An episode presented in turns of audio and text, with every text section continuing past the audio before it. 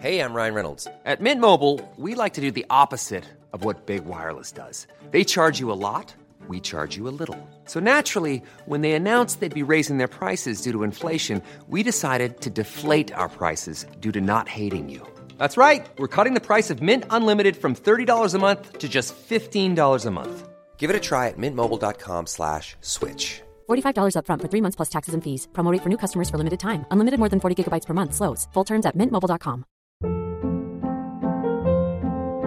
Hold up. What was that? Boring. No flavor. That was as bad as those leftovers you ate all week. Kiki Palmer here, and it's time to say hello to something fresh and guilt-free. Hello Fresh. Jazz up dinner with pecan-crusted chicken or garlic butter shrimp scampi. Now that's music to my mouth. Hello Fresh. Let's get this dinner party started. Discover all the delicious possibilities at hellofresh.com.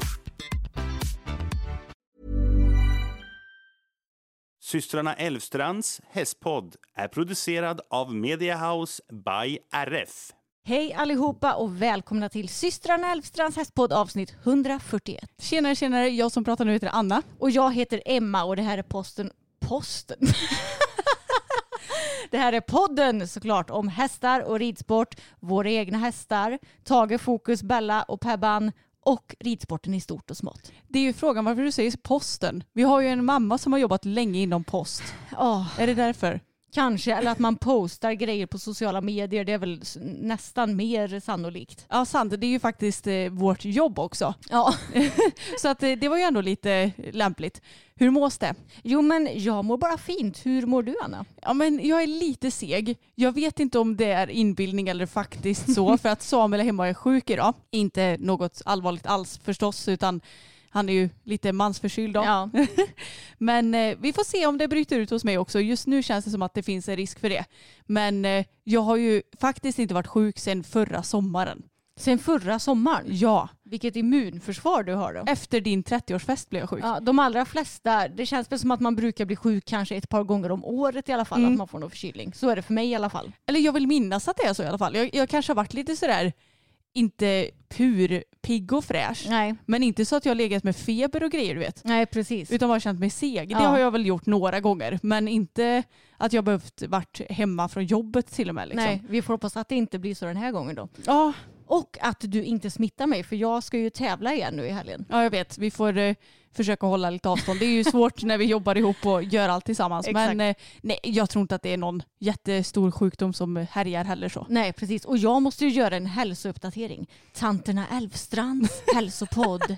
Här kommer uppdateringen om den äldsta tanten, det vill säga jag. Emma, 31 år. Ja, exakt. För jag har ju pratat om att jag tror att jag kan ha ansträngningsastma. Mm. Och idag ringde en läkare upp mig och nu har han skrivit ut en inhalator som jag ska använda mig av men innan ansträngning tills jag ska få komma i, in på sån här undersökning. Ska du få remiss till undersökning?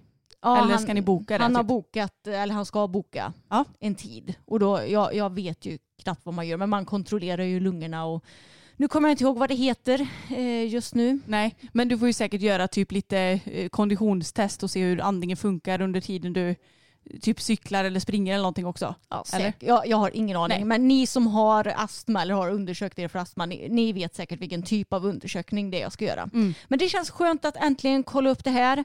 Jag tävlade ju med Bella i helgen och lyckades ju komma till omhoppning och jag kan säga att när min runda var klar, alltså jag är ju så, jag är ju helt död nästan. Jag kan knappt andas. Nej jag vet, du är ju väldigt flåsig och Ja. det känns som att där, en sån sorts kondition borde man ju ha byggt upp. Mm. Men samtidigt så tycker jag det är så svårt också för på tävling då bygger man ju upp adrenalin också och då Mm. upplever jag att man blir mer andfådd för att man blir liksom lite taggad också. Jo, men jag vet att på gymmet för några år sedan så cyklade jag en hel del. Mm. Och då kunde jag ju cykla på som fan. Men nu det senaste när jag har, ja, men både när vi har försökt oss på att springa och när jag har cyklat på gymmet. Alltså jag har ju inte alls samma ork som jag hade förut. Mm. Och ja, men det känns som att det är något vajsing. Ja men då får vi se då. Jag, var, jag tyckte det var så kul för att när du sa att du hade ett bokat telefonmöte så tänkte jag bara alltså ursäkta men vad ska de göra över telefon? Ja, jag kände det med. Men eh, det verkar ju ändå som en bra grej att du får en inhalator nu, Mm. får testa det lite inför besöket då. Ja. Så får vi se helt enkelt vad det, vad det lider, om det bara eh, stämplas med dålig kondition eller om det är ansträngningsastma. Fy vad illa det hade varit i så fall.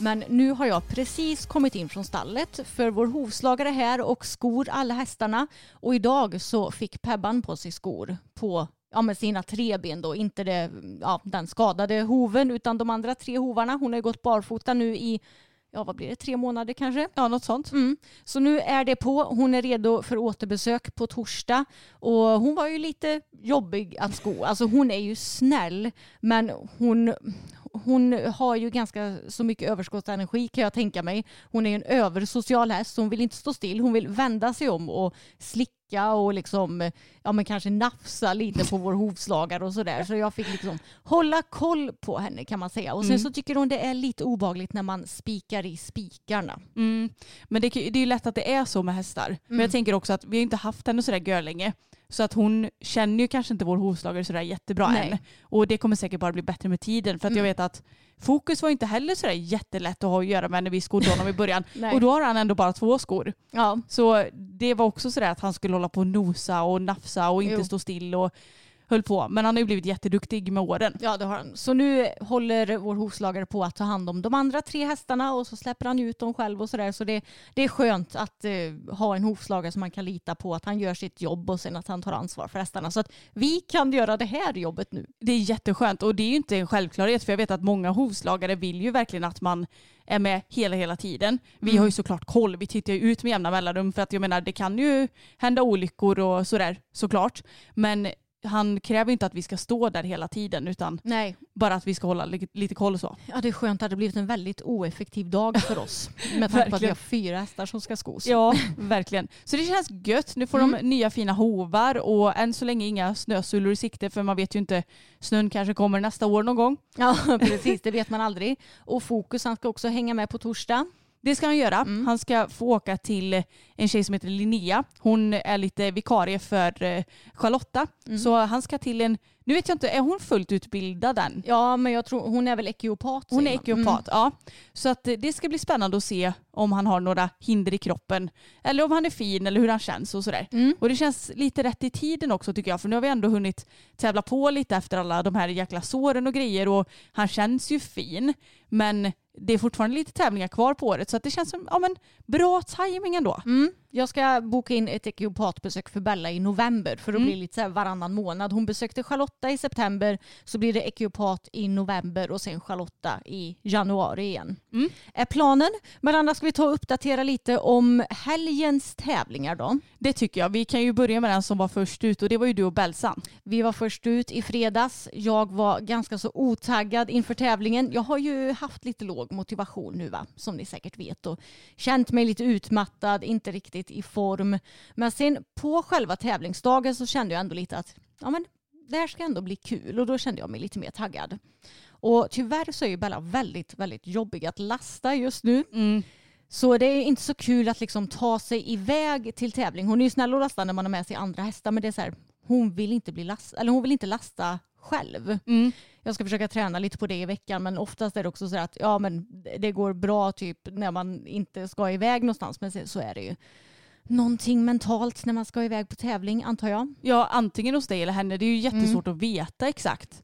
Så hon är ju lite jobbig och är sådär att nej men jag tänker inte gå in och så går hon genast upp på väldigt mycket adrenalin Ja. och blir sådär att ja, men man kan nästan inte röra ett finger för då, då överreagerar hon. Mm. Så att om jag ska försöka få henne att bara Ja men så peka lite in i Mm. transporten och nu kan du väl gå in. Då blir hon så här, nej du tog du i alldeles för mycket och så flänger hon iväg åt sidan och Ja. galopperar iväg istället. Mm. Som tur är så har vi ju rep och repgrimma så att hon Jo. kommer ju inte, hon springer inte iväg. Nej, Men det tar ju lite energi förstås. ja det gör det. Men det som är positivt är att hon går ju alltid på till slut i alla fall. Det är bara att man har en liten konflikt innan så att säga och det är ju inte så himla roligt. Men Nej, och så det tar ju ju... inte lång tid heller. Nej, det gör det inte. Men sen så är det ju bara att släppa det när man Mm. väl kommer fram på tävling. För hon är alltid görsnäll på tävling. Hon är ju så snäll att ha med på tävling. Och jag kan säga att redan på framridningen tyckte jag att hon kändes väldigt bra. Det var en framridning i Grevagårdens jättestora paddock så vi hade väldigt bra med plats på så jag kunde galoppera på ordentligt vilket är väldigt skönt för hon behöver ju det för att komma igång. Hon har ju en stor tung kropp, inte den snabbaste hästen så jag vill gärna ha lite plats på mig så att man verkligen kan komma igång. Och jag tyckte hon kändes mer framme för skänken inför den här framridningen än vad hon har gjort på tidigare tävlingar. Mm. Så vi kom in på framhoppningen med gott mod. Hon var superfin på framhoppningen. Det var ju ganska så trångt för det är ju ett ganska långt men smalt ridhus. Men vi lyckades ändå få till en bra framhoppning. Hon hoppade riktigt fina språng. Så ja, det kändes väldigt bra inför att vi skulle gå in på banan och hoppa 105 cm bedömning A0 plus A0. Och jag är så nöjd för i ena hörnet inne på banan så hade de typ sitt prisbord kan man säga. Ja exakt och där hängde det ju tecken och stora rosetter och Massa stora Godis. Toblerone. du bara tog med dig en på vägen ut. Ja, Nej. I wish. Nej men så då tänkte jag att hon kanske kommer reagera på det för hon är ju en väldigt tryckkänslig häst och det är ju något sånt som hon säkerligen back in the days hade kunnat reagera på så jag tänkte att nu måste jag verkligen visa henne det här innan för första hindret hoppades såklart också rätt emot det här prisbordet. Mm. Eh, och hon alltså, stod emot lite grann när jag red in på banan. Men nu har jag blivit sån att jag kan liksom inte hålla på och mesa för mycket med henne. Så då lutar jag mig lite grann bakåt och så bara la om skänken och bara ja, nu går vi framåt. Och att man är bestämd i att nej, men nu går vi framåt och det är liksom ingenting att bråka om. eller vad man ska säga. Men eh, sen var det inga som helst problem med det faktiskt. Hon kunde gå nära det åt båda hållen. Så det är ändå, även om hon alltid kommer vara en tryckkänslighet så känns det ändå som att vi har kommit en bit på vägen. För jag tycker nu det senast på tävling, hon har inte varit lika sur mot andra hästar. Nej hon har varit jätte, Ja. jätteduktig med det. Jättesnäll och som nu det här till exempel. Och ja, men både i Kungsback och här så hoppade man hinder som ändå liksom hoppades ganska så mycket mot väggen. Och det har ändå gått ganska bra, även om hon blir lite mer avvaktande. Så jag är ändå nöjd över hur vi har kommit, eh, hur långt vi har kommit när det kommer till det. Ja och det är ju också så man behöver ju ha lite koll på ens hästs styrkor och svagheter. Men sen får man inte låta dem påverka alldeles för mycket. För jag sa det till dig, du skickade ju till och med till mig när du gick banan och jag tog hand om Bella att så här, ja det är klart att första hindret hoppas mot det här och så skickade du en bild och jag bara, fast alltså skit i det. Ja, innan du startar så kan du såklart galoppera förbi ettan och sen förbi det här prisbordet så att ni har sett det en gång. Men sen så kan man inte hålla på och bara åh gud hur ska hon reagera och bli liksom lite Nej. för avvaktande utan man måste ju ändå vara lite yes nu kör vi. Ja exakt. Men det tycker jag ändå att jag fick till sig när jag Mm. red. Det gjorde du. Men banan då, eh, grundomgången bestod av åtta hinder. Måste Ja, det bli. blir det. Mm, precis, och jag kom lite halvdåligt på ettan. Eh, alltså blev lite mm, avvaktande där. Tvåan tycker jag att vi kom fint på. Sen så skulle jag egentligen flyttit på på sju språng på linjen till trean men hon var lite småspänd i början av banan. Så jag upptäckte när jag hade några språng kvar att nej det är bättre att gå på åtta språng istället för att jaga på henne för mycket. Och sen kommer vi egentligen då till min enda ordentliga miss på banan och det var ju när jag red in i kombinationen som var räcke och sen ett språng till oxer. Och det är ju så, Sten tjatar ju alltid på en att man ska rida framåt in i en kombination. Ja, vad gör jag? Jo, jag sitter såklart och backar in i kombinationen. Men det blev ju nästan lite som ett följdfel. Ja. Eftersom att du inte kunde flytta på på sju språng mellan Precis. tvåan och trean Mm. så var det heller inte så himla lång väg från trean till fyran. Nej, Så det är klart att det är inte så lätt att hinna få upp en bra galopp Nej, på bara precis. några enstaka språng. det är sant och det är det som är grejen med banhoppning tycker jag. Att det är så lätt att ja, men om du failar på en linje så är det inte säkert att du får något fel på den utan det kan komma på hindret senare till exempel. Exakt. Och det var ju lite det här som skedde nu då. Men Bella hon var ju en tiger och även om det blev väldigt långt till oxen så sträckte hon ut sig. Jag gav henne lång tygel, bara lös det här Bella. Det såg väldigt klumpigt ut.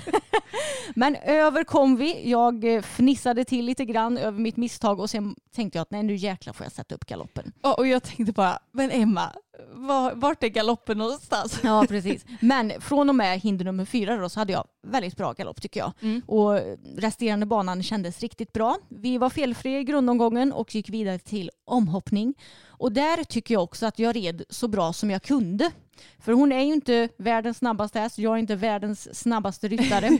Men jag red de vägarna som jag tänkte. Jag fick eh, fint flyt i svängarna tycker jag och höll igång en bra galopp. Eh, även om jag hade velat att hon skulle vara liksom lite mer pigg och framme för skänken kanske.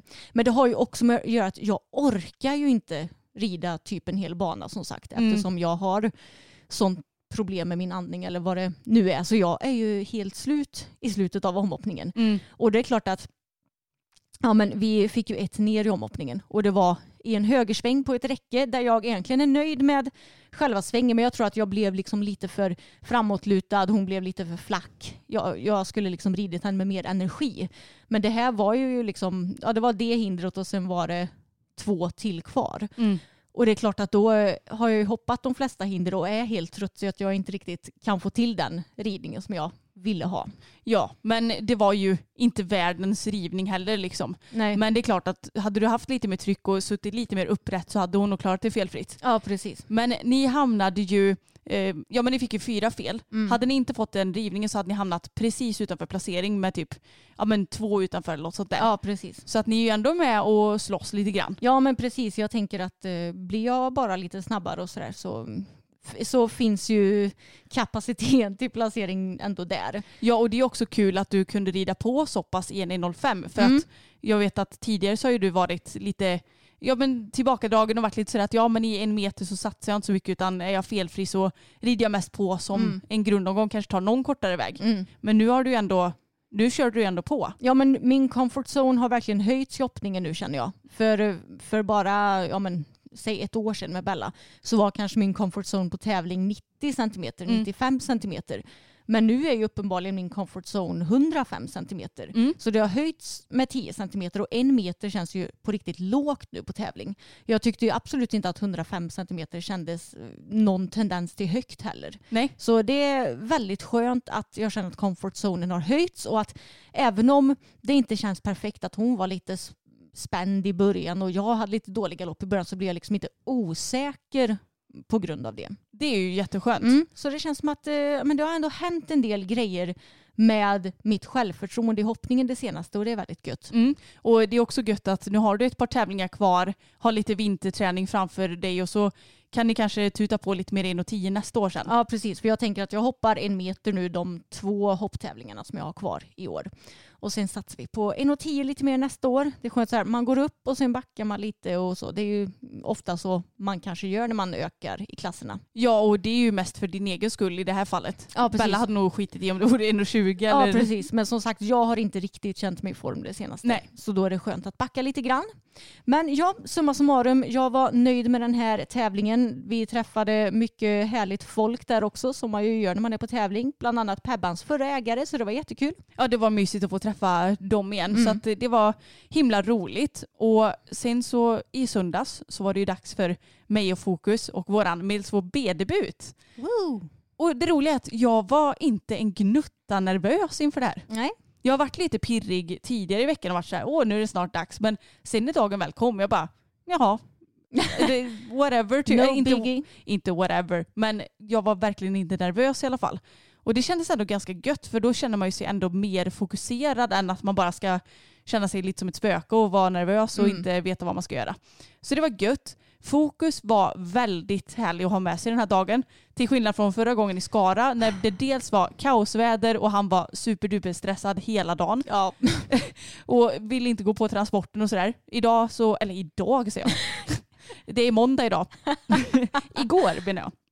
Så gick han på transporten direkt och eh, det var inga bekymmer överhuvudtaget. Det enda var att han var kanske lite gnäggig i transporten när vi kom fram så jag bad ju dig att stå och titta Mm. så att han inte skulle bli helt tokig. Men det var alla lugnt eller? ja, ja, det var lugnt. Det är skönt. Och även fast han har lite hö så anser han inte att det är ett eh, bra sällskap. han vill helst ha en häst med sig. Ja. Han kanske helst skulle vilja ha en liten shettis eller någonting som Ja. sällskap. Men det får han inte. Nej. Men eh, vi var och kikade lite på banan, jag och Sigrid, för att hinna se något ekipage och se hur det såg ut och vart framridningen var och sådär. Även om vi var på Essunga och där har vi ju varit flertalet gånger. Mm. Men eh, det är ändå skönt att kika lite hur tävlingen ser ut för dagen. Och sen så lastade vi ur lille fokus-tokus när det var dags och jag red fram. Och det här skedde ju i ett 2040 ridhus. Mm. Det har ju varit väldigt dåligt väder så att eh, den paddocken som de har närmast ridhuset den var väldigt geggig. Och den stora paddocken som de har där hade vi parkering eller där fick vi parkera. Så att det var ju ridhuset som fanns som framridningsmöjlighet om man inte ville bli helt geggig och jag kände bara nej, jag har faktiskt tvättat Fokus ben idag. Så vi red i ridhuset och det var jag och fyra till eller tre till fyra andra ekipage så det var ju såklart lite trångt och Mm. mycket människor som stod uppe vid kortsidan för att hjälpa sina, eh, sina ryttare och sådär. Så lite i det trängsta laget är det ju men det är ju också vad det är och det är ju lika för alla. Så jag trodde först att ja, vi får se lite hur framridningen går, om vi verkligen får till det ordentligt. Men det var inga bekymmer. Han var jätte, jättefin på framridningen och vi fick, flertalet jättefina byten där inne och han kändes fin i både öppnorna och ryggningarna och ja, men han kändes bara skitbra. Ja, och det är skönt för du red ju honom på lördagen också Mm. i ridhuset och red igenom, honom, eh, red igenom honom lite och då hade du ju lite problem med bytena Mm. åt ena hållet men nu så funkade det ju mycket bättre på framridningen. Det var så himla skönt för att då får man ändå lite självförtroende med sig in på banan. Och sen så var det då dags för vår debut och när vi red in på banan så tyckte han att det var skitläskigt för att domaren sitter ju i Essunga så har de ett ridhus som är 60 meter långt och det är nog 24 brett tror jag så de har ju satt upp staket längs med långsidorna. Men domaren får inte plats att sitta i ridhuset så att den sitter ju i som en, som en kiosklucka kan man säga. Ja, ett hål i väggen. Ja, så det tyckte ju han var skitkonstigt rent ut sagt. så att han bara, vad i hela friden är det här? Så då fick jag till och med faktiskt sagt av till skritt och skritta förbi en gång och sen fattade jag galopp och red kanske tre volter eller någonting i höger varv för att få honom avspänd. Men till slut så lyckades han ändå förstå att okej det är bara domaren som sitter där. Red samma sak i vänster varv och det var inte lika läskigt av någon anledning men han är ofta sån att det är läskigare åt ena hållet. Ja. Vad är det med hästar ibland kan man ju undra. Och det är så skönt också att jag har kommit till den insikten att tidigare så har jag varit lite mesig när jag ridit in på banan. Mm. Kanske skrittat och travat och ridit lätt lite och varit lite avvaktande. Exakt. Numera så kör jag galopp redan från början. Jag skrittar in på banan och ser till så att ryttaren innan får komma ut givetvis. Det är inte så att jag galopperar in och du bara galopperar in på bara bara! Nej, lite återhållsam får man ju vara. Jo. Men sen så kör jag galopp i hela ridhuset för att jag upplever att om han blir rädd för någonting, det är inte säkert att han tycker att det är läskigt i skritt, men han kan tycka att det är läskigt i galopp för att då kommer han lite snabbare på. Ja. Så det är mycket bättre att bara galoppera ur lite spänningar för att han blir mest avspänd i galopp också. Mm. Så vi galopperade en hel del innan vår start och sen så fick vi eh, startsignal och då saktade jag av en liten sväng innan jag fattade galopp igen och så körde vi programmet. Och det som var bra, det var väl i princip uppridningen och halt och ryggning i programmet. Sen så var det ju en himla blandad kompott mellan fyror och eh, ja, vi fick ju sju och en halva på vår halt och Mm. ryggning. Det var det bästa på programmet. Men eh, han var ju väldigt avspänd den här dagen. Men jag saknade lite, lite energi idag. Mm. Varför säger jag idag? jag lever fortfarande Ja, kvar på tävlingsdagen. Tydligen. Nej men så att den ökade traven, där hände inte så mycket till exempel. Och ehm, det var väl någon mer som jag kände att han, ja, men jag skulle vilja ha lite mer spice under hovarna. Mm. Men man kan ju inte få allt och vi är ju fortfarande inte ett etablerat tävlingsekipage anser jag utan vi, hjälper, eller vi lär ju oss hela tiden. Jo. Men det som var kul var att vi satte det ena bytet rent. Mm. Det andra var lite orent. Det var inte helt fruktansvärt orent. Mm. Utan ja, det, jag kände att fasen jag trodde nästan att det blev rent. För att han gjorde det så mjukt och fint liksom. Mm. Så det var kul att vi lyckades få till ett rent byte på banan. Och mitt drömmål var ju att bli godkända. Mm. Men det blev vi ju tyvärr absolut inte.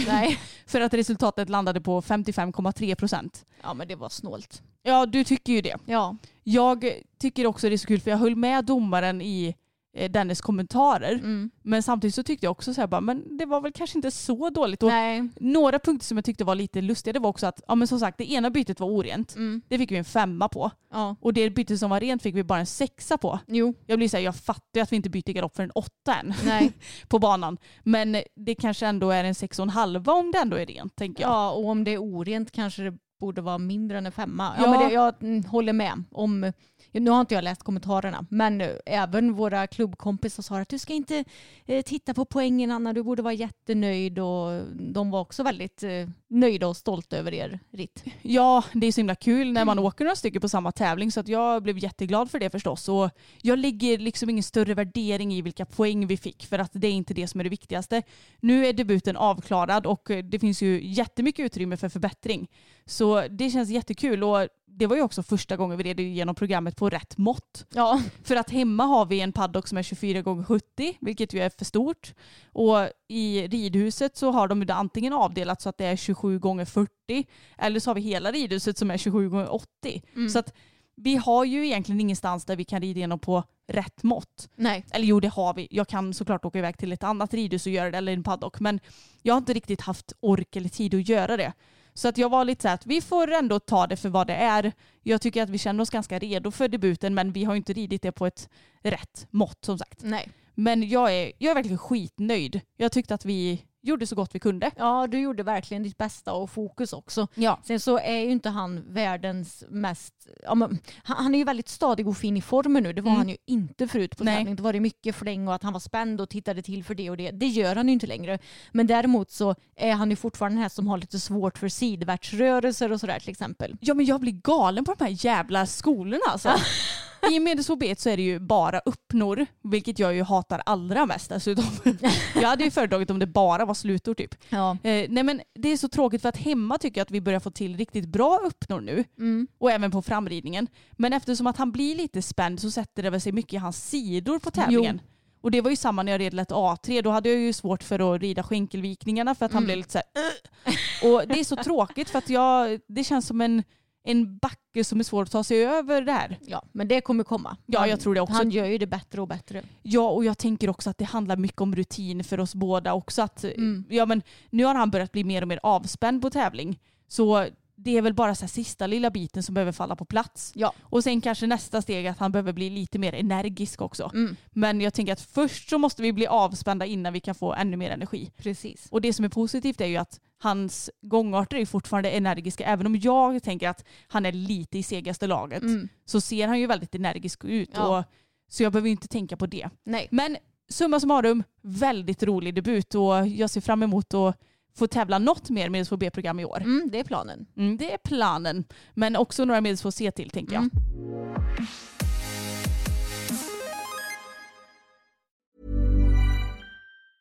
Ever catch yourself eating the same flavorless dinner three days in a row? Dreaming of something better? Well, HelloFresh is your guilt-free dream come true, baby. It's me, Kiki Palmer. Let's wake up those taste buds with hot, juicy pecan-crusted chicken or garlic butter shrimp scampi. Mm. Hello Fresh. Stop dreaming of all the delicious possibilities and dig in at HelloFresh.com. Let's get this dinner party started. Wow. Nice. Yeah. What you're hearing are the sounds of people everywhere putting on Bombas socks, underwear, and t-shirts made from absurdly soft materials that feel like plush clouds. Yeah, that plush. And the best part? For every item you purchase, Bombas donates another to someone facing homelessness. Bombas. Big comfort for everyone. Go to bombas.com slash ACAST and use code ACAST for 20% off your first purchase. That's bombas.com slash ACAST. Code ACAST. Vi fick ett DM som jag tänkte att vi skulle ta upp i podden Emma. Och det lyder så här. Hej, hoppas att ni mår bra idag. Jag har en grej som jag undrar om ni skulle kunna säga vad ni tycker om i till exempel podden. Jag var på ett ridläger vid ett tillfälle och ägaren sa att hon brukade ta bort sina hästar när de var i 20-25 års åldern även om de var fräscha och fina för att de skulle få en skönare död då än om de dör av till exempel kolik. Jag håller inte med, men vad tycker ni? Jag tycker att det här låter väldigt konstigt. Jag tycker också det låter jättekonstigt för att ska man ha den synen på levnad överhuvudtaget, Mm. ja men då är det ju lika bra att man tar bort eh, vad som helst, hundar, katter, Mm. man kanske själv ska göra någon sån här eh, dödshjälp Ja, precis. innan man får någon sjukdom. Ja, precis. Är det bättre då att man gör det när man är 50? Mm. Nej men man kan ju inte tänka riktigt så. Och dessutom så är det så lustigt tänkt också för jag tänker att det spelar ingen roll hur gammal man är, du kan ju drabbas av saker ändå. Precis. Jag menar, du, en häst kan vara fem år och få kolik så illa att den behöver tas bort. Mm. Eller, man kan, eller den kan bryta benet när den är åtta. Ja, precis. Den kan bryta benet när den är föl. Ja, nej, det, det är väldigt märkligt och jag menar hur många hästar har det inte hur gött som helst i 20-årsåldern? Mm. De kanske får vara pensionärer bara, ja, men antingen skrutta runt lite i skogen eller så kanske de bara går i hagen och är sällskap och tas om hand om. Jag menar, det är ju också ett väldigt naturligt hästliv som hästar trivs bra med även om de inte rids eller tävlas eller vad det nu må vara. Alltså jag tycker ju att det låter som att man tar bort hästarna för att inte det ska bli någon inom stationstecken onödig kostnad. Det låter faktiskt lite så. Mm. Och jag tänker också att det är ju jättemånga hästar som är 20-25 som till och med orkar tävla lite grann. Mm. Jag menar, när vi var unga så hade vi två kompisar som hade, det var ju förvisso ponnyer, nu vet inte jag om det här är storhästar, men Mm. det spelar ju egentligen ingen större roll det, är de fräscha så är de ju. Mm. Men de var ju, om de var typ 23 och 25 och de Mm. tävlade ju fortfarande lite så här, Mm. lätt D-nivå på ponny. Ja. Så att jag menar ålder är ju verkligen bara en siffra många Mm. gånger. Så det låter som en så himla tråkig syn på att hästen kanske mer är en kassako. Ja. Att så här, nu kostar den för mycket pengar och ger kanske inte eh, lägret så mycket längre så att då tar jag bort den istället. Ja, ja, det låter ju som en bort, eller liksom att man har hittat på en, en bortförklaring Ett till, var, plåster typ. precis till var, varför man tar bort hästarna när det egentligen inte hade behövts. Mm. Men jag undrar också, ja, alltså nu har ju vi bara tagit bort hästar på grund av skador. Men hur, ja det är klart är de så gamla så kanske man inte får ut speciellt mycket. Nej det är det jag tänker också. Det Mm. borde ju inte, jag menar nu är nog Tages försäkring inte värd särskilt mycket Nej. längre. Och det är ju verkligen skitsamma för oss för det är inte det som spelar någon roll. Men jag tycker bara det är så konstigt för det borde ju ändå finnas, även om den kanske inte kan gå i någon verksamhet längre, Mm. så borde det ändå finnas någon som kan ha den som ja, men lite promenadhäst om den kanske inte ska gå fullt ut. Mm. Så mm, jag tycker att det här är lite märkligt och jag hoppas, som sagt, det var ju lite det vi pratade om i förra avsnittet. Mm. Det här med att ston kan ju ändå gå som avelston Ja. rätt så länge om de, om de tar föl eh, i rätt tid liksom, Mm. eh, första gången. Men vallackar, att man inte bara ser dem som obrukbara och tar bort dem. Ja. Det känns ju lite så i det här fallet. Ja, men lite så tyvärr. Du Anna, har du hört talas om den tråkiga nyheten inom ridsporten som har skett nyss? Oj, vad är det du syftar på nu? Eh, de- Den, den inkluderar en av våra favorithästar. Säger det dig någonting? Ehm, kan, alltså, du får nog berätta nyheten så kanske jag har hört det. Ja, att eh, Roffe och Ermindo splittras. Ja, nej det har jag inte hört. Jo, tyvärr. Varför det? Eh, ja, Roffe har skrivit på sin Facebook-sida. Ja, det här står på engelska så jag antar att ni förstår det här. Ermindo V. Always ambitious, clever and full of energy. It was a pleasure to ride you over the most difficult courses all around the world. Thank you for these great times and thank you Nilsdotter for a great owner partnership over so many years. All the best wishes to the new owners. We will follow you for sure. Så han har alltså fått nya ägare men det finns inga uppgifter än vad jag har förstått om vilka ägare det är. Okej, det blir ju intressant att se vem han hamnar hos. Mm. Gud vad tråkigt för de har ju verkligen varit eh, otroligt bra tillsammans. Ja, verkligen. Och det känns orättvist för att nu, nu kanske inte Roffe ser det som så orättvist för att de förstår väl att det är så livet är. Men det känns också som att han hade ju sina glansår med typ Ninja och eh, Casall där. Ja. Och sen så tog det ju ett bra tag innan han var tillbaka på riktigt högsta nivån igen. ja, exakt. Och nu känns det som att Ermindo var lite hans eh, topphäst. Mm. Så. Eller det var han ju. Ja, Men eh, det känns inte som att han har någon riktig påläggskalv än kanske. han har väl ingen riktigt i Ermindos klass än. Nej. Så det, det är väldigt tråkigt. Ja. Vi får hoppas att han får upp någon häst på den högsta, högsta nivån snart igen. För det är ju där Roffe bör vara som ryttare. Verkligen. Han är ju skitduktig och ja, det var riktigt tråkigt att höra faktiskt. Men det blir intressant att se vem som Ermindo kommer att ridas Mm. av härnäst. Verkligen. Anna, i förra avsnittet så pratade ju vi om internationella dressyrryttarklubben och internationella dressyrtränarklubben. Just det. Och att de ju inte vill att det ska vara fr- frivilligt att rida med kandar och sporrar Mm. utan att det ska vara krav på det här. Och det var en snäll lyssnare som skickade en artikel i tidningen, är det tidningen Ridsport? Nu måste jag kolla där. Ja, det var tidningen Ridsport.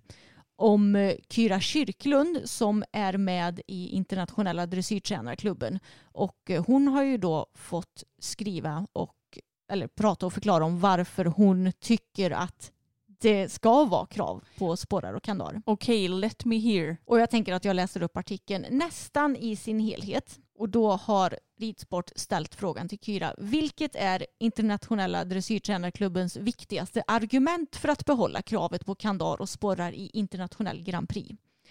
Som jag ser det är dressyr något mittemellan sport och konst.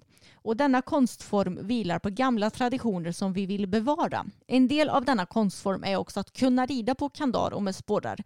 Det är en konst i sig att kunna rida med kandar, att kunna använda stång och bridongtygen för sig på ett korrekt sätt. Och vi vill inte att den konstformen ska försvinna. Vi tycker också att ett sånt här beslut ska vilar vila på vetenskaplighet. Vad vet vi om kopplingen hästvälfärd och kandar egentligen? Vad grundas ett sånt här beslut på? Det är så enkelt att vi i sporten bara springer på nya grejer. Nu kommer det här, vad kan komma härnäst? Plötsligt får vi kanske inte rida i frack längre. Och nu kommer en ny fråga. Förslaget handlar ju inte om något förbud utan en frivillighet. Hur kan det skada dressyrtraditionen? Och då svarar Kyra. Om en del rider på träns och utan sporrar kan det bli så att de bedöms på ett annat sätt. Att domarna och publiken tycker att de är skickligare än de som har kandar och sporrar. Och då ställer ridspår frågan, är det mindre skickligt att rida Grand Prix på träns än kandar? Och då svarar Kyra, ja det tycker jag. Men alltså jag, jag, jag blir så himla trött bara. alltså då kanske fracken försvinner. Det har väl för fan ingenting med hästvälfärd att göra. Om den, den kanske i och för sig blir lite irriterad i pälsen av fracken. Ja men precis. Det är ju två helt skilda saker. Ja, jag är inte oh, klar Okej okay, förlåt. Jag tycker, men eh, ja, jag tyckte det var kul också att hon säger att hon tycker att det är mindre skickligt att göra Grand Prix på Tränsen kanal. Medan men, typ alla andra håller med om tvärtom. Ja precis, men nu fortsätter vi. Ja. Men aveln och hästarna har ju utvecklats. Det finns till exempel hästar som har svårt att ha två bett i munnen. Och på det kommenterar Kyra. Då ska den hästen kanske inte gå dressyr på högsta nivå. Vi tycker också att en stor del av skickligheten och konsten ligger i att kunna anpassa kandar och spårar efter den aktuella hästen. Jag har själv haft en häst som förmodligen hade gått bättre på, på träns i de högsta klasserna. Men jag fick anpassa mig och leta efter olika lösningar. Ska vi inte ha några förändringar i dressyren? Jo, det ska vi och det har vi haft. Programmen och sättet att döma har ändrats mycket till exempel. Men återigen, vi vill invänta vad vetenskapen säger om det här. Ridsporten har ett stort tryck på sig utifrån när det gäller hästvälfärd. Kan du förstå förslaget och det som ligger bakom? Vi är väldigt medvetna om att sporten har ögonen på sig och vi är angelägna om att stoppa dålig hästhållning och ridning. Men detta är inte rätt sätt och det finns inget som säger att det blir bättre för hästarna med träns. Det kommer alltid finnas människor som inte tycker att vi ska hålla djur överhuvudtaget. Men många av dem vet nog inte ens skillnaden på träns och kandar. Vår uppgift inom sporten är att informera mycket om vad vi gör. Ja, alltså vad ska man säga? man blir ju nästan lite speechless av den här artikeln. Uh, ja, lite så. Ja. Jag, jag, kan tycka så här.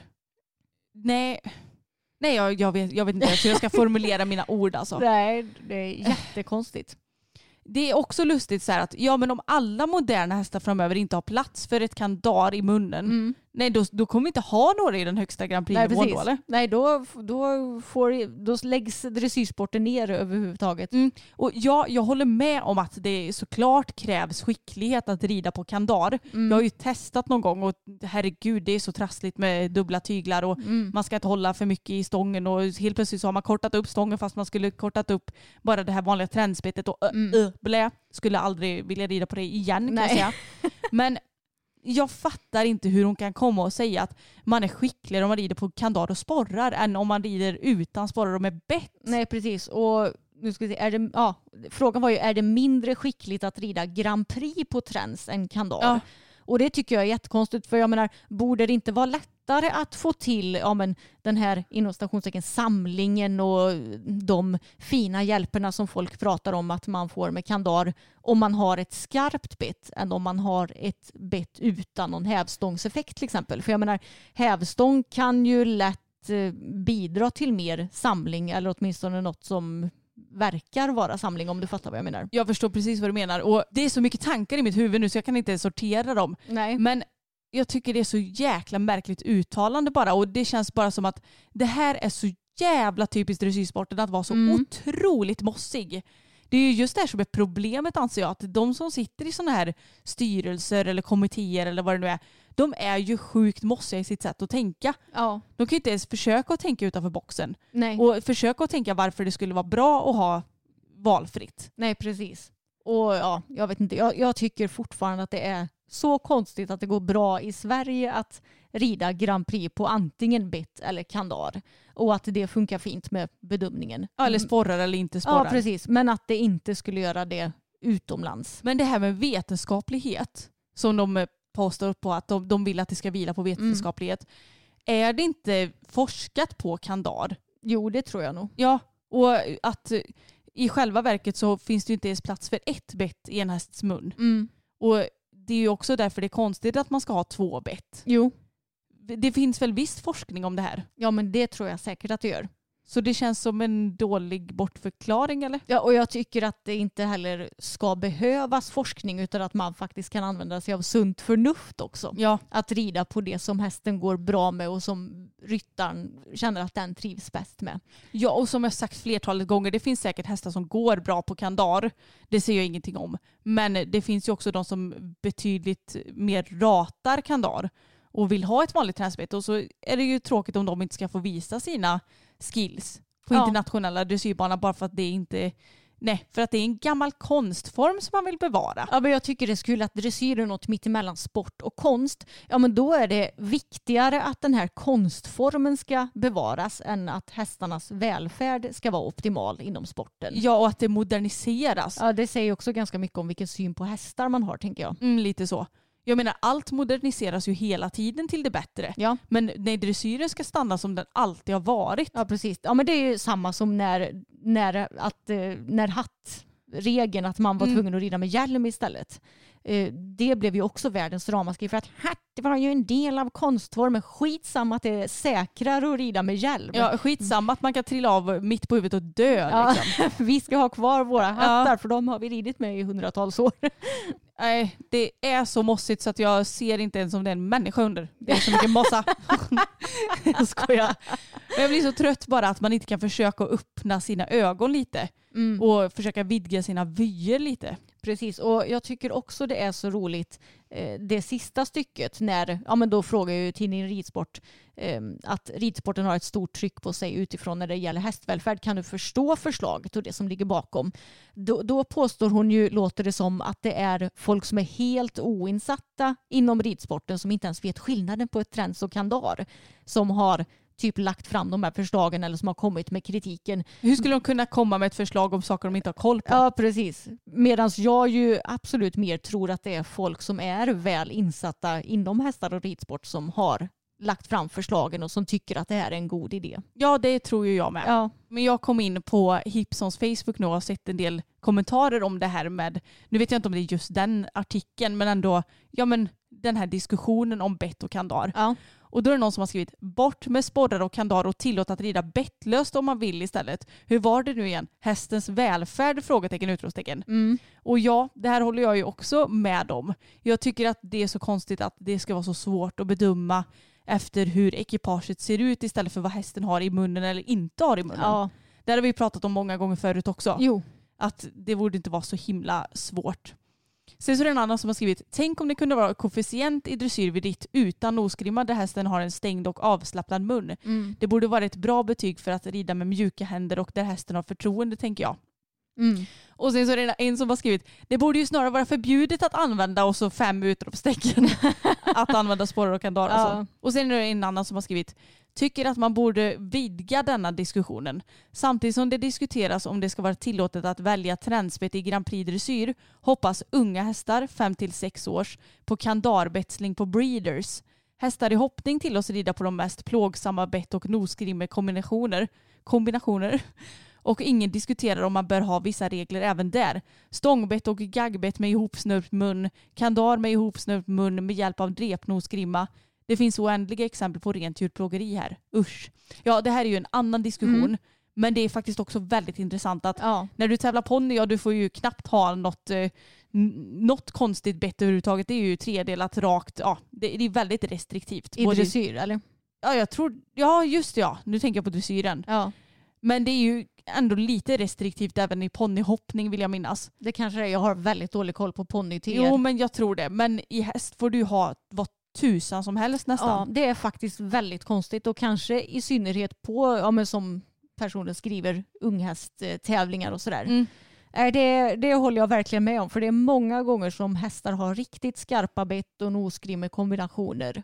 Och att det, ja, men det spelar ingen roll, släng på hästen vad som helst typ i hoppningen. Ja, eller hur? Mm. Och det, det är skitsamma om den gapar hur mycket som helst för att det får man ju inte eh, poäng för ändå. Nej. Om det inte är inverkan då kanske men, eventuellt. Precis, men tror du inte att det är så här i hoppningen för att där tänker man så mycket på att, ja, men att det ska vara säkerhet och att man måste ha kontroll Mm. på sin häst.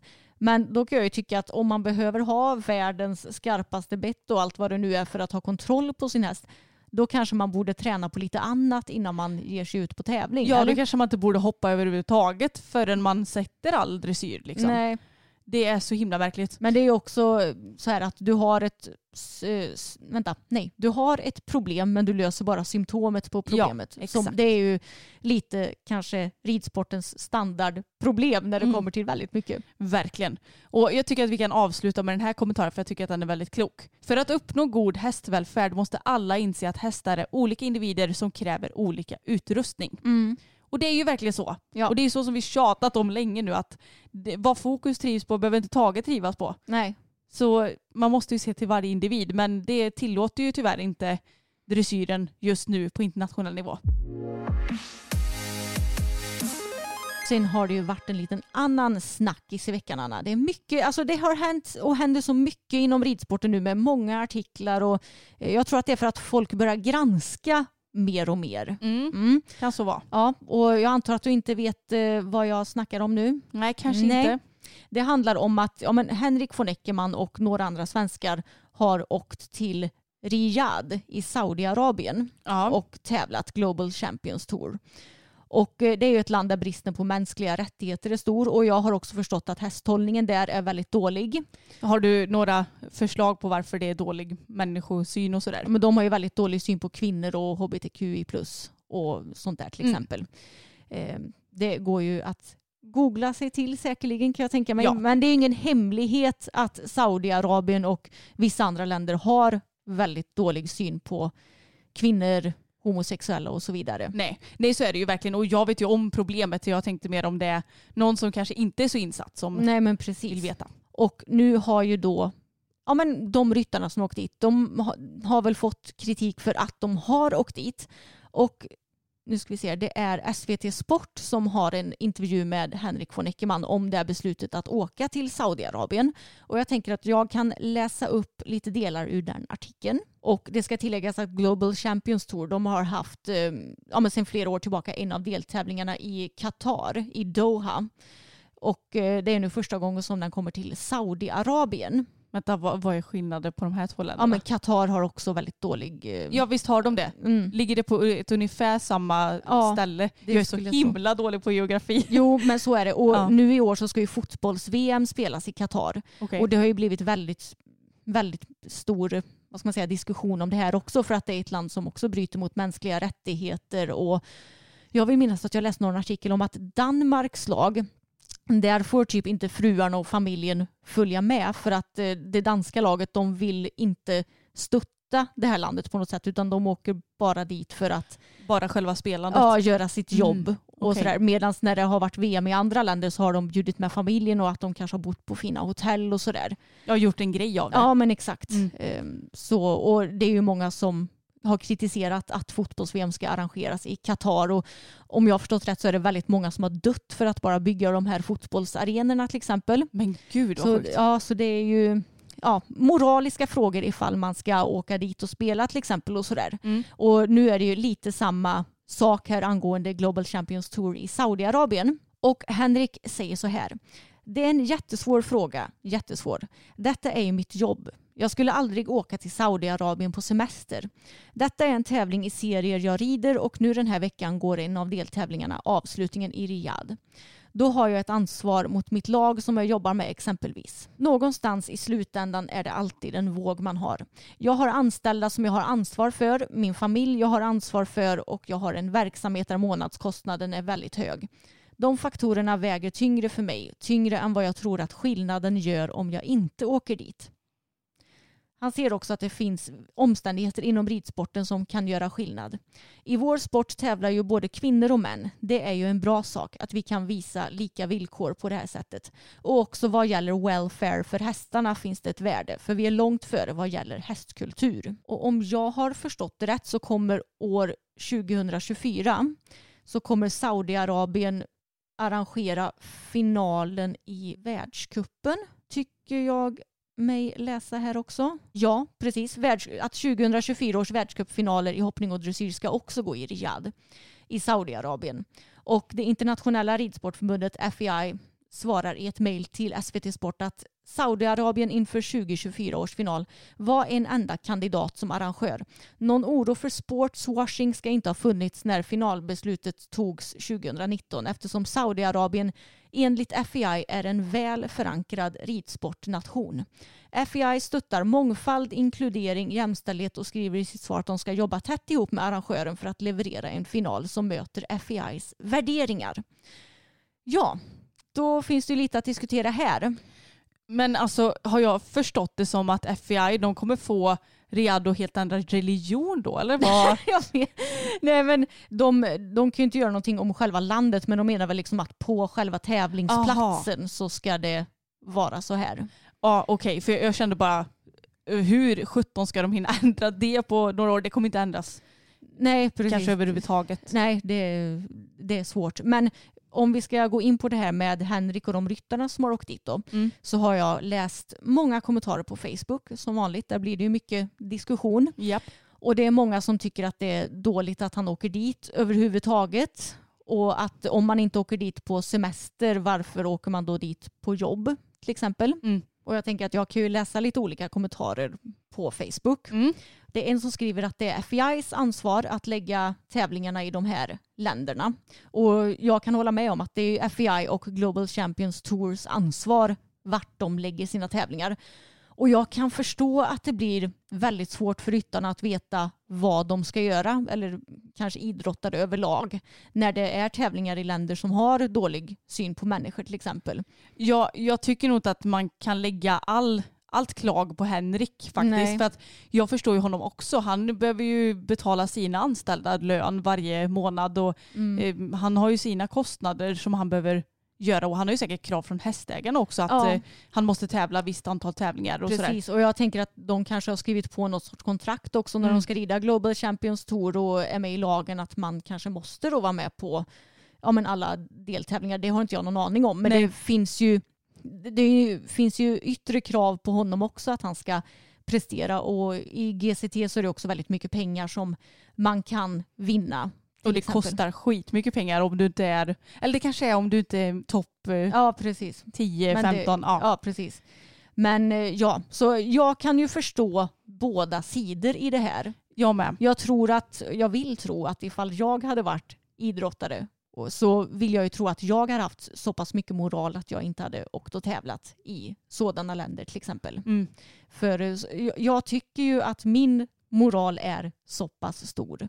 Men jag kan ändå som medmänniska förstå att det blir svårt för de som är på högsta nivån. Ja, och det som jag tycker är dåligt är ju som sagt att FBI och Global Champions Tour väljer att lägga tävlingar där. Ja. Och i synnerhet eh, ja, men för fotbolls-EM eller VM, VM, VM mm. att det hamnar där. Ja.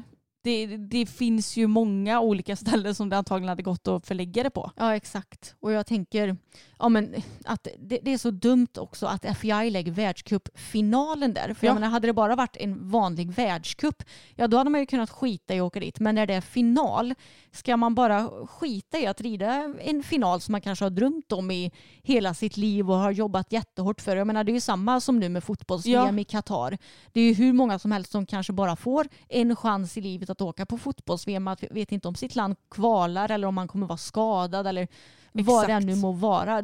Jag kan verkligen förstå att man vill åka dit och försöka göra sitt land stolt. Men det är så fruktansvärt konstigt att arrangörer väljer att lägga tävlingar i sådana här länder. Ja, och sen så är det väl alltid svårt för att det finns ju alltid något negativt med varje land men det är ju också det är ju ganska rejäl skillnad på sådana här länder jämfört med ja. till exempel Sverige. Sen hade det kanske varit svårt att ha något stort mästerskap i ett litet land som Sverige, det vet inte jag. Men... Nej men jag känner väl att vi har väl sagt det som vi vill säga om det här. Ja, att det finns lite två sidor av ett mynt men att det är mm. väldigt tråkigt att så här stora tävlingar och mästerskap arrangeras i sådana här länder. Ja, exakt.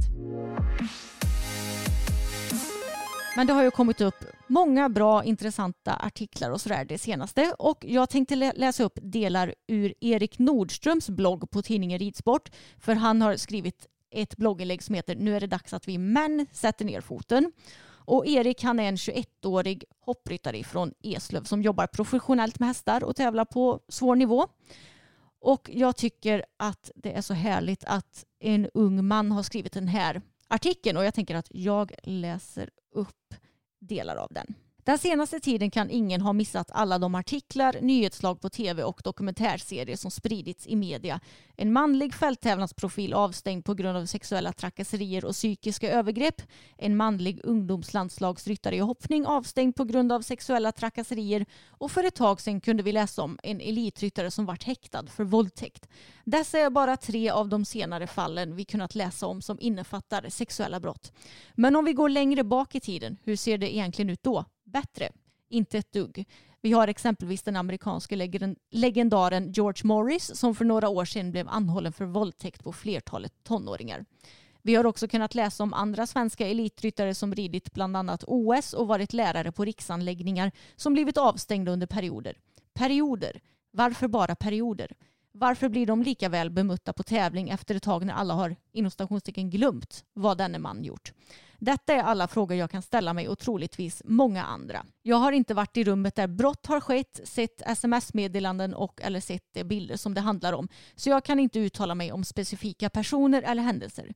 Men jag hoppas innerligt att rättsväsendet gör något åt detta och jag hoppas inte minst att Svenska Ridsportförbundet gör något. Sexuella trakasserier är ett brott precis som dopning med mera och ska i min mening ge strängare straff och eller avstängningar.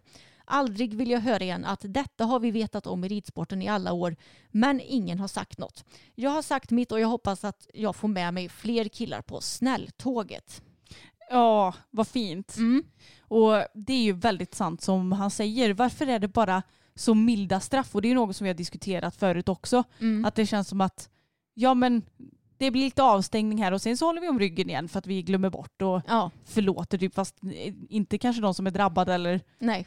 En stor cirkel utöver det. nej. Och han belyser ju också den problematiken som finns inom sporten. Att Mm. det är så vanligt att de här stora ryttarna ja, men, begår de här trakasserierna och sen att man ändå håller dem om ryggen bara för att de är män. Och jag måste säga att jag tycker det är väldigt modigt och bra av Erik som ju är en ung kille som tävlar på ja, men på hög nivå inom hoppning att han vågar säga det. Han vågar också säga att han tycker att Ridsportförbundet ska göra någonting. Mm. Och jag menar säkerligen flera av de personerna som han mm, nämner i texten att han möter säkerligen någon på tävling också till exempel. Och att han ändå vågar skriva om det här. Jag tycker det är skitbra gjort av honom. Det är gött att se att han står upp för hela ridsporten egentligen. Ja, och så, sådana, vad ska man säga, han har sådana värderingar som man kan tycka att alla borde ha. Men det är också viktigt att män vågar prata om det här. För tyvärr är det ju så när det kommer till hela samhället att män har ju en tendens att lyssna på män. Medan kvinnor kan lyssna på både kvinnor och män. Så jättebra av Erik att skriva det här blogginlägget. Jag tyckte det var väldigt bra sammanfattat när det kommer till all problematik. Och vill man läsa det i sin helhet så finns det på tidningen Ridsports hemsida. Okej, jag tänkte att vi skulle ta avrunda det här avsnittet med ett litet tips som kanske per se inte är särskilt hästigt. Men det blir ändå lite hästigt för att det här är en grej som faktiskt håller Ja. i stallet. Och det är ju så att jag och Emma vi gillar att måla våra naglar.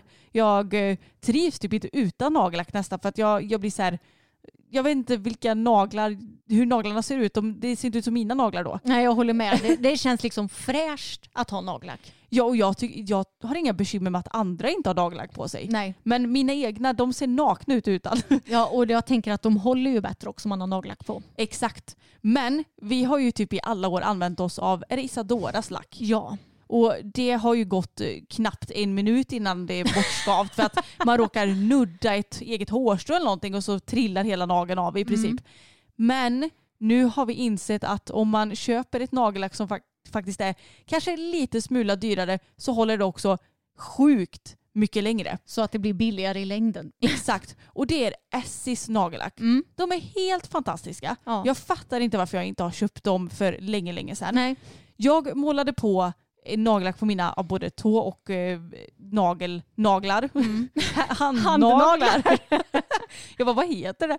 Och då målade jag på det när vi skulle på spa. Och sen så tror jag att jag fyllde på lite för att mina naglar hade vuxit ut, du vet. Mm. Så att det hade blivit ett glapp på kanske några millimeter. Fyllde jag bara på lite grann. Alltså jag tror seriöst inte att mina naglar fläktes eller flagade på tre, fyra veckor. Ja, det är galet. Det är helt sjukt.